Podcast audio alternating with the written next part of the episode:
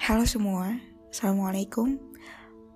Pada segmen berbincang kali ini, kita akan berbincang dengan teman saya, namanya Shiva. Kita akan membicarakan banyak hal tentang amanah dan juga tentang kata lelah. Selamat ngedengerin. Nah, dari sekian banyak amanah yang Shiva pegang nih ya, setahu aku juga lumayan berat-berat gitu. Ada yang jadi kapro di Salman, terus juga di MRU juga megang lumayan amanah yang cukup berat, belum lagi di himpunan gitu. Nah, biasanya kamu cara bagi waktunya gimana tuh, Shiv? Maksudnya kan itu kan semuanya kebaikan ya, dan sesama kebaikan itu bukan hak kita untuk membenturkannya gitu, tapi setiap orang pasti punya cara bagi waktunya yang beda-beda gitu yang efektif menurut dia masing-masing. Kalau menurut Shiva, cara ba cara bagi waktu yang efektif tuh kayak gimana? Sebetulnya terkait pembagian waktu agak cukup sulit ya. Shiva sendiri masih merasa cukup keteteran gitu ya karena ada di banyak tempat dan semuanya harus dikerjakan. Jadi mau nggak mau memang harus aku gitu yang mengorbankan waktuku untuk dihabiskan di banyak tempat. Biasanya di awal minggu, di awal pekan, biasanya hari Senin atau Ahad malam sih, aku uh, gaya-gaya gitu atur jadwal. Jadi sepekan ini ngapain aja, hari Senin ada apa aja, Selasa apa aja, sampai nanti di hari Sabtu lagi gitu. Baru nanti mungkin biasanya di Sabtu Ahad karena posisinya sedang di asrama, biasanya Sabtu Ahad ada pembinaan asrama. Jadi atur jadwal dari Senin sampai Jumat. Tapi dari jadwal itu juga terkadang nggak sesuai rencana nih. Ada aja yang udah disusun sangat rapi gitu ya dari hari Senin sampai Jumat, tapi tetap ada aja gitu yang bentrok, yang mungkin di reschedule gitu, yang mungkin gagal. Jadi ya akhirnya mau nggak mau dari rencana itu harus tetap disesuaikan lagi sih di saat terjadi hal tersebut gitu. Jadi mau nggak mau ya harus siap sama perubahan.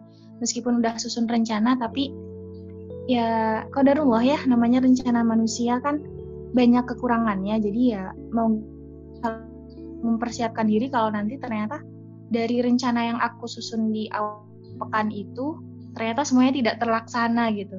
Jadi ya uh, siapin hati siapin diri siapin mental sih untuk bagi waktunya gitu Din. Masya Allah. Berarti ini ya fleksibel gitu ya. Maksudnya kita tetap perlu ngatur waktunya tapi tetap harus bisa fleksibel ngikutin keadaan juga ya, gitu. Betul betul. Yang unik nih ya dari Shiva itu ya. Selama aku kenal Shiva jadi Shiva itu kan sibuk banget sebenarnya. Tapi dia itu selalu fast respon gitu. Gak pernah paling lama dia itu balas chat orang gitu siapa aja gitu ya. Entah itu teman dekat atau orang baru kenal. Dia itu pasti gak pernah lebih dari lima menit gitu dan HP-nya itu nggak pernah off. Jadi selalu kalau misalnya teman-teman ngechat dia di WhatsApp itu selalu checklist dua. Nah itu kenapa sih Shift kamu mau maunya jadi orang yang fast respon kayak gitu. Maksudnya di antara orang mungkin banyak yang memilih buat ya udahlah itu mah teman biasa bisa nanti aja dibalesnya atau uh, ya kan nggak harus sekarang gitu. Balasnya itu kenapa tuh Shift?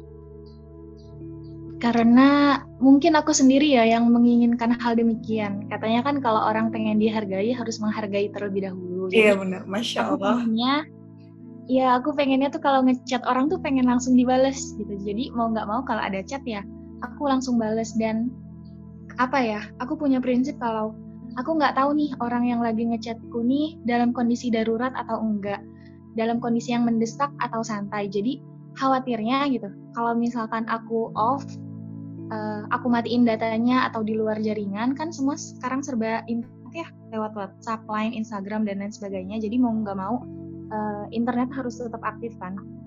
Khawatirnya saat aku off gitu ya, tanpa ngasih kabar kalau aku akan off, khawatirnya ya gitu, ada orang yang ngechat aku dan dia membutuhkan pertolongan atau apa ya, membutuhkan uh, balasanku dengan segera gitu, tapi akunya malah hilang dan aku tahu gitu perasaan itu tuh nggak enak ya ibaratnya kayak aku pengen lagi pengen banget didengerin. Itu simpelnya banget ya lagi pengen banget didengerin atau lagi pengen banget dibantu. Atau sekedar lagi pengen banget cerita aja gitu cerita-cerita aja. Kadang kan aku juga gitu pengen cerita-cerita buat ngilangin kepenatan buat ngilangin bosan dan lain sebagainya. Jadi ya entahlah ya aku memposisikan diri sebagai orang lain mungkin karena akunya ingin diperlakukan seperti itu. Jadi ya aku memperlakukannya seperti itu gitu Din Masya Allah ini ini juga ya sebagai reminder gitu ya buat teman-teman yang suka balas chat lama gitu seperti orang-orang seperti saya dan mungkin teman-teman yang lagi ngedengerin benar banget gitu ya kalau kalau kita mau dihargai sama orang lain lebih baik kita menghargai uh, eh kalau kita mau dihargai sama orang lain itu dimulai dari kita diri sendiri dulu gitu. Maksudnya kita gimana kak udah udah menghargai orang lain atau belum gitu. Nah salah satunya dengan cara ya fast respon ini apalagi di kondisi kayak gini ya chef ya.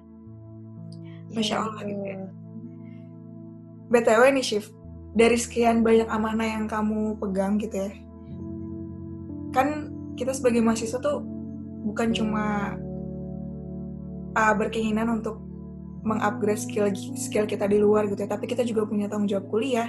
Terus belum lagi kalau teman-teman di rumah kita juga punya tanggung jawab amanah sebagai seorang anak gitu ya. Kenapa gitu Shiva tetap uh, mengambil banyak amanah di antara sudah banyak amanah yang sudah kita emban gitu. Kenapa gitu, Chef? Uh, sebenarnya alasannya simpel sih ya, karena pengen menempa diri gitu. Karena pengen disibukin dalam hal-hal yang baik. Uh, aku ingin menempa diriku, aku ingin disibukkan dalam hal-hal baik, jadi nggak nggak pengen punya waktu luang gitu loh. Soalnya kalau luang, kadang kita suka tergoda nggak sih buat entah itu cuma leha-leha, tiduran gak jelas, nonton hal-hal yang mungkin sebetulnya nggak banyak manfaatnya dan ya aku berusaha keras sih untuk menghindari hal itu. Pengennya kalau sibuk ya udah biarin pusing. Aku sibuk ngurusin orang lain gitu. Yang penting aku sendiri nggak nggak banyak memanjakan diri sih. Karena itu jadi ya akhirnya itu yang mendorong aku untuk mengambil banyak peran gitu di tahun ini. Gitu Din. Bener banget ya. Aku sebenarnya ngerasain banget gitu ya riadoh selama di rumah aja gitu ya kan kalau misalkan dulu kita sama-sama anak asrama gitu paham ya. Kalau misalkan di asrama dan banyak temen dan itu memang diatur jadwalnya itu kayak lebih sedikit waktu sia-sia gitu ya. Tapi selama di rumah bener banget gitu. Itu gampang banget kegoda buat uh, mengisi hal-hal yang sebenarnya nggak terlalu kita butuhin gitu. Nah mungkin ini juga bisa jadi apa ya saran buat teman-teman yang ngedengerin gitu yang mungkin selama ini ragu buat ngambil banyak amanah atau ngerasa tidak mampu gitu ya ini tuh salah satu ini juga ya salah satu uh, privilege kita sebagai mahasiswa gitu. Dengan gelar mahasiswa itu kita bisa bermanfaat banyak ternyata kayak gitu teman-teman. Jadi uh, jangan ragu buat ngambil amanah banyak-banyak gitu. Tadi kan Shiva udah bilang juga kalau misalkan ingin menempa diri gitu ya di banyak amanah yang Shiva pegang. Uh, kita kita sama-sama tahu kalau setiap amanah yang kita pegang itu pasti punya tanggung jawab yang nggak kecil gitu ya. Maksudnya bahkan ada orang yang memang sengaja ngambil satu amanah biar dia bisa 100% di situ gitu. Gimana gitu ya cara syifa? Dari banyak amanah yang dipegang tetap optimal gitu di setiap amanahnya gitu. ya itu bagian yang paling sulit sih menurutku. Karena kan uh, aku yakin nggak ada amanah yang kecil. Amanah tetaplah amanah sekecil apa pun itu amanahnya gitu ya. Meski cuma jadi staff ibaratnya. Kan kayak aku cuma staff doang kok tapi nggak bisa disepelein gitu aja gitu yang namanya amanah tuh tetap amanah. Yang namanya amanah tuh tetap nanti diminta pertanggungjawabannya. Makanya itu hal yang menurutku cukup berat ya untuk di direalisasikan gitu ya untuk dijalankan tapi bukan berarti kita nggak mungkin bisa gitu. Akhirnya ya mau nggak mau kita yang harus memaksimalkan ikhtiarnya gitu. Harus rela bagi waktunya harus rela tidur sebentar harus rela keluarin banyak kuota mungkin harus rela ketemu banyak orang keluarin banyak uang untuk uh, pergi ke sana ke sini untuk beresin amanahnya. Jadi uh, untuk memaksimalkan amanah itu sendiri ya kita sendiri yang harus survive gitu. Kita harus sadar bahwa yang aku emban sekarang ini bukan semata-mata untuk apa ya untuk jabatan aja. Ah, aku sebagai ketua katakanlah. Tapi ternyata actionnya nggak ada gitu. Jadi buat apa gitu aku takut kalau nanti ternyata uh, dengan banyaknya amanahku ini yang awalnya niatnya baik untuk menempa diri, untuk membiasakan diri dalam hal-hal kebaikan gitu ya, dalam hal-hal yang baik yang bukan hal-hal yang sia-sia, tapi ternyata malah justru jadi bumerang karena aku nggak bisa memaksimalkan uh, amanahnya gitu. Makanya yaitu setiap awal pekan aku selalu atur jadwal kan untuk uh, untuk hari ini tuh ngurusin apa, hari ini ngurusin apa, hari ini beresin apa, hari hari ini harus beres apa dan akhirnya uh, aku juga kasih tahu ke teman-teman kalau ternyata uh, posisiku yang ada di organisasi A juga lagi ngemban amanah di organisasi B gitu. Jadi kalau nanti sekiranya apa ya uh, ada hal-hal yang berbenturan aku minta mohon dimaklum gitu. Tapi aku usahakan semaksimal mungkin supaya nggak ada berbenturan. Kayak misalkan dari sekecil ngatur jadwal rapat aja kadang rapat aja suka ditarik-tarik gitu. Chief ayo rapat di sini ayo rapat di sini ayo rapat di sini. Sedangkan ya aku nggak bisa loh. Diri aku cuma satu gitu. Aku nggak bisa seperti amuba yang bisa membelah diri di banyak tempat gitu. Jadi akhirnya aku minta apa ya kompensasi mungkin dari teman-temanku. Kalau mau ada agenda organisasi tolong kabari satu pekan sebelumnya gitu. Bukan maksud aku yang sok sibuk tapi itu adalah salah satu ikhtiar aku untuk memaksimalkan amanah. Biar nanti uh, aku bisa menempatkan waktu gitu loh oh ternyata di hari Senin jam sekian sampai dengan jam sekian aku harus rapat di organisasi A kemudian besoknya harus rapat di organisasi B jadi ibaratnya aku tetap bisa uh, menjalankan semua amanahnya tuh dengan seimbang gitu loh, dengan beriringan tanpa berbenturan. Sama halnya banyak yang mempertanyakan ibu itu baiknya kerja atau jadi ibu rumah tangga gitu kan ya. Itu menurutku sangat apa ya? Aku benci pertanyaan itu gitu loh. Kenapa nggak disatuin aja gitu? Justru dua hal itu bukan hal yang bertolak belakang loh. Dua hal itu bisa kok jalan beriringan. Jadi aku juga memegang prinsip gitu. Kalau aku ngambil banyak organisasi, organisasiku yang banyak ini bisa kok beriringan gitu jadi nggak usah dibentrok-bentrokin nggak usah diadu domba gitu ibaratnya ah Shiva mah aktifnya di sini doang di sini pasif ya mohon maaf gitu kalau ternyata memang dalam kenyataannya seperti itu tapi aku aku pribadi gitu sangat mengusahakan supaya bisa optimal di semua tempat gitu supaya bisa menjalankan amanah sebagai mestinya di semua tempat. Jadi makanya uh, ya pesan juga sih untuk teman-teman pendengar yang mungkin teman-temannya banyak ngambil peran di banyak organisasi gitu mohon jangan di bentrok-bentrokin antara organisasi A dan organisasi B karena kita nggak tahu kan gitu. Seberapa besar usaha dia untuk optimal di semua organisasi. Jadi ya gitulah. Maksimalkan ikhtiar sih Din. Masya Allah benar ya. Tadi mungkin aku dapat beberapa poin. Jadi intinya survive gitu ya. Jadi optimalkan diri kita. Terus sama ngatur jadwal ya intinya kayak gitu. Sama komunikasi satu lagi. Itu penting banget ya di antara berapa banyak organisasi kayak gitu. Nah, tadi kan Shiva juga sempat bilang tentang mengoptimalkan diri gitu, tentang survive diri kita sendiri gitu ya. Gimana caranya untuk tetap bisa mengoptimalkan diri padahal kita tahu diri kita sendiri tuh kayak di kondisi yang sangat lemah gitu. Maksudnya di antara banyak aman yang kita pegang itu nggak mungkin karena selamanya kita kayak semangat semua atau pasti banyak uh, apa ya faktor-faktor dari luar ataupun dari dalam diri kita sendiri yang ngebuat kita kayak aduh capek nih kayak gitu nah itu biasanya tips dari Shiva nih apa nih buat teman-teman yang mungkin juga merasa kayak gitu? Ya itu jadi PR besar sih.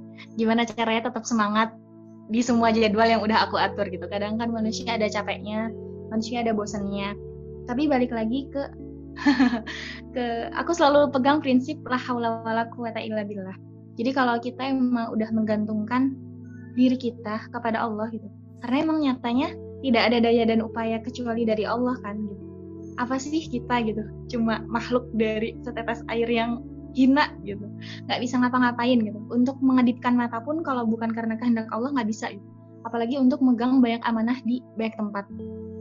Rasanya itu sangat mustahil untuk dilakukan oleh seorang syifa tanpa bantuan Allah. Makanya karena itu aku selalu uh, apa ya ngisi bahan bakarku di pagi hari sih ini salah satunya uh, ya rekaman kita kali ini din. Kita kan rekaman subuh subuh nih. Ini salah satu ikhtiar Syifa untuk membakar semangat di hari ini. Jadi biar nggak leha-leha biar nggak santai-santai makanya dari subuh hari uh, aku biasakan diri untuk melakukan hal-hal yang memang uh, positif gitu ya. Jadi nanti kalau misalkan pagi hari aku udah semangat, ke sananya insya Allah semangat gitu. Sampai sore tuh insya Allah semangat walaupun emang ada capek-capeknya. Tapi ya aku selalu ngisi bahan bakar tuh di pagi hari sih, di sebelum fajar dan saat terbit fajar gitu ya. Karena ya menurutku itu waktu-waktu menurutku itu waktu-waktu yang sangat bagus ya untuk uh, untuk ngecharge diri gitu, untuk ngecharge energi yang nantinya kita gunakan di hari ini. Selain itu, ini penting banget sih karena uh, ya aku berterima kasih kepada kakak-kakak tingkatku yang selalu mengingatkan soal yaumiyah. Jadi yaumiyah tuh ibarat bahan bakar gitu karena ibaratnya kita sebuah kendaraan, kalau nggak diisi bensin, kalau nggak diisi bahan bakar, kita nggak bisa jalankan gitu. Sama halnya dengan diri kita ini gitu. Kalau nggak diisi dengan yaumiyah, nggak diisi dengan hubungan yang baik sama Allah gitu ya. Uh, kita cuma hidup ya hidup aja, makan aja, organisasi aja, tanpa menggantungkan semuanya sama Allah gitu ya, tanpa minta pertolongan sama Allah, rasanya nihil banget gitu kita bisa optimal di semua tempat. Rasanya mustahil banget gitu kita bisa uh, melakukan banyak hal tanpa menggantungkan diri kita kepada Allah. Karena ya yang sesungguhnya punya kekuatan kan bukan kita gitu. Yang sesungguhnya memegang kendali alam semesta kan bukan kita gitu. Kita manusia cuma bisa berikhtiar. Aku pengennya optimal ya. Karena itu aku nggak lepas berdoa sih. Kadang kalau udah bahas kayak gini sedih ya karena aku sendiri takut gitu. Aku pegang banyak amanah minta dikuatkan selalu berdoa tuh minta dikuatkan. Ya Allah Syifa ini lagi pegang banyak amanah amanah ini asalnya dari engkau gitu ya. Karena itu kuatkanlah ya Allah jauhkan Syifa dari rasa malas dari rasa leha-leha dari rasa sedih dan lain sebagainya gitu. Kuatkanlah semoga amanah yang engkau berikan ini bisa aku pertanggungjawabkan dengan baik. Ini agak melau sih tapi emang ya harus melau gitu ya. Karena emang apa ya diri ini tuh lemah. Jadi kalau ibaratnya kita nggak merendah di hadapan Allah hina banget ya kita gitu. Siapa kita yang ciptain kan Allah? Masa kita mau sombong di hadapan Allah? Jadi akhirnya ya mau nggak mau ternyata selama ini sejauh ini gitu ya sejauh perjalanan hidup Syifa sampai usia ke-19 ini uh, aku sadar gitu bahwa ternyata merendahkan diri di hadapan Allah itu itu justru yang membuat kita kuat gitu. Itu justru yang memberikan kekuatan. Karena ya la haula wala quwata illa billah. Ingat aku ingat banget sama salah satu kaderisasi alur kaderisasi di Salman kan ada LMD ya Dina juga salah satu alumninya gitu latihan mustahid dakwah di situ aku inget banget gitu saat Bang Aat bilang nanti kalian akan melewati trek yang sangat panjang terjal dan susah dijangkau. Wah, denger itu tuh udah merinding. Ya Allah, gimana ya nanti? Gimana ya nanti? Gitu. Aduh, aku kuat nggak ya? Aku kuat nggak ya? Tapi kata Bang Aat, di di tengah-tengah perjalanan kalian akan merasa sangat lemah, merasa tidak bisa apa-apa. Maka perbanyaklah istighfar gitu. Perbanyaklah mohon ampunan, perbanyaklah merendah diri karena sesungguhnya kita nggak bisa apa-apa gitu. Karena sesungguhnya dengan kita merendahkan diri di hadapan Allah, dengan kita memohon ampunan di hadapan Allah, itulah kekuatan yang sesungguhnya gitu. Itu kekuatan yang paling kuat di antara semua kekuatan. Mas Her juga, Mas Hermawan pernah bilang, kalau pertolongan Allah itu akan datang di saat kita hampir menyerah gitu kan ya. Kadang aku juga kayak ya Allah aku capek banget ini banyak banget ini belum dikerjain ini belum dikerjain ini belum dikerjain terus aku harus mulai dari mana? Itu sedih banget gak sih Din kayak ah, aku banyak banget yang belum dikerjain dan gak tahu gitu harus mulai dari mana akhirnya ya cuma bisa nangis kan ya di posisi itu kayak banyak banget hal yang harus dikerjain dengan waktu yang sempit dengan posisiku yang cuma satu orang gitu ya tanpa bantuan siapa pun akhirnya ya nangis gitu. E, ngerasa lemah ngerasa hina ngerasa nggak bisa ngapa-ngapain kalau nggak dibantu sama Allah. Makanya e, hal yang bikin aku semangat untuk tetap terus optimal gitu adalah merendahkan diri di hadapan Allah. Gitu sih Din. Jadi melo banget ya. Aku jadi ikutan melo dengernya. Maksudnya kayak uh, ya memang kita tuh hina gitu istilahnya nggak ada yang bisa disombongin dari kita gitu. Semuanya betul, betul. semuanya terjadi ya kar karena Allah. Kita hebat ya Allah yang menghebatkan kita kuat ya Allah yang menguat menguatkan kayak gitu ya. Oke. Okay. aduh aku jadi kata uh, tadi Shiva juga sempat ini ya sempat nyebut-nyebut tentang LMD gitu ya. Uh, bener banget tadi yang Shiva bilang tentang la haula wala quwata illa gitu ya. Maksudnya memang itu pas LMD memang benar-benar kerasa banget kalau misalnya kita tuh benar-benar manusia lemah ngomongin LMD, aku jadi tertarik juga buat ngebahas tentang Salman gitu. Maksudnya, aku juga tahu Shiva, Shiva ini aktivis Salman, teman-teman. Buat yang belum tahu, Shiva ini aktivis Salman yang kuliahnya di Unpad. Yang kita tahu Unpad itu di Nangor gitu ya. Maksudnya, ada juga sih memang yang di di Bandung gitu ya, tapi Shiva ini tinggal di Nangor gitu. Kalau boleh tahu nih, Shiv, sejak kapan gitu aktif di Salman? Aktif di Salman itu Syifa ingat banget sejak SSC 18. SSC 18 itu Desember 2018 di akhir semester 1 sih. Itu pertama kali aku ikut kegiatan di Salman gitu karena biasanya cuma ikut sholat, cuma ya ikut sholat berjamaah aja gitu sama duduk-duduk biasa. Tapi uh, di Desember 2018 ini aku pertama kali ikut kegiatan di Salman. Jadi ya itu apa ya nggak bisa diingat ya momentum yang nggak bisa dilupakan gitu. Jadi sangat sangat ingat sekali dengan momen itu gitu Din. Berarti mulai aktifnya pas ini ya, pas mulai ikut SSC ya. Setelah itu iya, SSC, kemudian uh, setelah SSC di bulan Desember, kemudian ikut kaderisasi lanjut di LMD, latihan mujahid dakwah di bulan Februari. Uh, menarik ya. Tadi kalau kita bicara Salman, aku tuh ngebayangin di dalam masjid gitu ya, sambil ngeliatin orang-orang yang berlalu lalang kayak gitu-gitu. Memang rasanya nyaman banget gitu ya. Kalau Syifa nih ya, apa yang menjadi alasan Syifa gitu mau bolak-balik Nangor Salman yang kita tahu itu jaraknya lumayan jauh gitu ya. Sementara sebagai aktivis, mungkin dulu kita memang sering bolak-balik gitu ya, antara Salman dan tempat asal kita gitu. Apa yang menjadikan motivasi Shiva buat mau-maunya gitu pulang pergi ke dari Nangor ke Salman gitu. Yeah. Mungkin Dina termasuk uh, orang yang bosan melihat aku ada di Salman.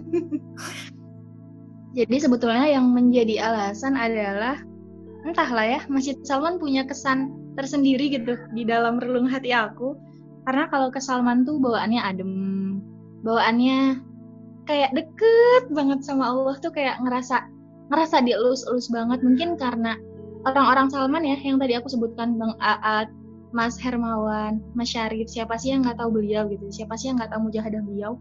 Beliau yang uh, ya berkat beliau dan rekan-rekannya yang menjadikan Salman tuh sebagai uh, nggak cuma jadi laboratorium ruhani gitu tapi emang jadi apa ya Masjid Salman tuh diusahakan untuk menjadi pusat peradaban gitu. Seperti halnya dulu Rasulullah dan para sahabat menjadikan masjid itu sebagai pusat peradaban. Jadi nggak cuma tok untuk tempat sholat tempat ruku dan sujud aja gitu. Tapi di sana juga tempat diskusi memperbincangkan masalah-masalah yang ada di masyarakat kemudian mendiskusikan solusinya apa. Rasanya mungkin itu yang menjadi spesial ya. Karena sejauh ini baru nemu Salman sih yang kayak gitu, gitu.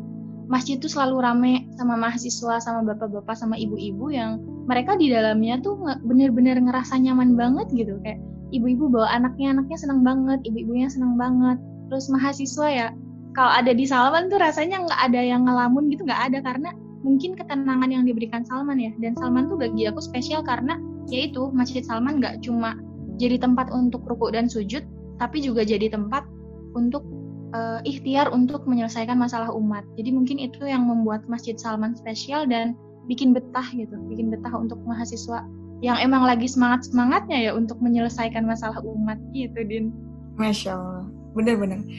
Aku juga ini sih salut banget, apalagi pas awal SST gitu ya. Bener-bener kan itu dikenalin tentang Salman, maksudnya kayak aku mulai merasa tertarik buat ya Allah pengen belajar banyak gitu di Salman. Karena Salman tuh kayak pelopor masjid peradaban menurut aku. Jadi sampai orang-orang atau mahasiswa-mahasiswa di luar Bandung mau ikutan untuk uh, menempat diri di Salman gitu ikut kaderisasi di Salman uh, faktor internal dari diri diri Syifa sendiri apa yang melandasi Syifa untuk menjadi seorang yang mungkin orang lain bilang aktivis dakwah gitu ya apa makna aktivis dakwah sendiri buat Syifa?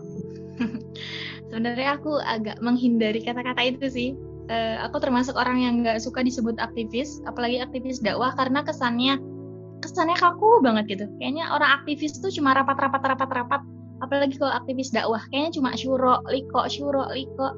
Padahal nggak gitu loh gitu. Yang aku rasain ya apa ya aktivis dan aktivis dakwah mungkin jadi ladang kita untuk menempa diri untuk memaksimalkan ikhtiar kita, gimana caranya kita ini bisa jadi bermanfaat gitu untuk teman-temannya. Nggak cuma untuk diri sendiri, tapi juga untuk lingkungan sekitar.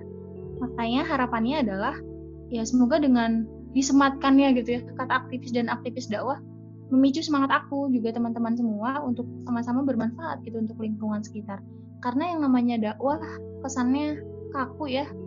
Maksudnya eh, nggak eh, semua orang memaknai dakwah tuh secara luas taunya dakwah tuh cuma kultum, cuma ceramah, cuma khutbah dan lain sebagainya gitu padahal ya semua yang kita lakukan gitu ya, semua yang muslim lakukan adalah bagian dari dakwah nggak sih? hijab kita dakwah gitu pakaian kita dakwah bicara kita juga dakwah makanya jangan apa ya jangan terlalu uh, menyempitkan istilah dakwah gitu sih. Makanya aku sebetulnya bukan nggak suka sih ya tapi eh, nggak uh, terlalu serak aja sih kalau aku disebut aktivis dan aktivis dakwah. Pengennya ya ya udah Shiva Shiva aja gitu. Oke okay. alhamdulillah nih kalau dari aku pertanyaan udah selesai. Uh, closing statement mungkinnya dari Shiva boleh harapan boleh pesan-pesan yang Shiva pengen sampaikan buat pendengar kita silakan Shiv ya kalau dari harapannya semoga dari perbincangan kita kali ini ya Din subuh-subuh pagi-pagi uh, ada manfaat yang bisa teman-teman ambil gitu. Jangan apa ya jangan jangan terlalu terlena gitu dengan banyaknya kegiatan. Sampai lupa siapa yang ngasih kegiatan. Jangan terlalu terlena sama banyaknya aktivitas. Sampai lupa siapa yang sebetulnya memberikan kita kekuatan jadi ya uh, jadi diri sendiri aja gitu. Jangan silau sama uh, di luar sana gitu. Mungkin orang lain udah jadi A udah jadi B tapi kita belum jadi apa-apa ya udah gitu. Nikmatin aja. Uh, yang penting kita kasih ahsanu amal gitu sebaik-baik perbuatan. Semoga dengan uh, ikhtiar kita untuk berbuat baik gitu ya, untuk memaksimalkan uh, perbuatan baik kita semoga itu jadi jalan Allah untuk mencintai kita karena sedih nggak sih kalau kita nggak dicipta nggak dicintai sama orang yang menciptakan sama zat yang menciptakan kita gitu. Project apa pun masalah apa pun yang mungkin sedang diselesaikan semoga jadi uh, jadi salah satu wasilah untuk datang cintanya Allah kepada kita. Itu aja sih Din. Aku nggak mau closing statement. Nanti mellow banget aku. Masya Allah. Oke. Okay. terima kasih ya Chef udah mau berbagi di podcast mendaki langit Semoga teman-teman yang ngedengerin bisa ambil hikmah nih ya dari sudut pandangnya masing-masing. Semoga kita bisa diistiqomahkan oleh Allah, tetap di jalan kebaikan dan tetap menjadi manusia yang cukup dan sadar gitu ya, cukup dengan segala yang apa Allah apa yang Allah beri. Jadi pribadi yang nggak neko-neko tapi tetap memaksimalkan potensi yang udah Allah beri. Semoga kita bisa mendaki langit bareng-bareng. Pokoknya buat teman-teman semangat dan selamat mendaki ke langit. Kita tidak sendiri, kita sama-sama mendaki.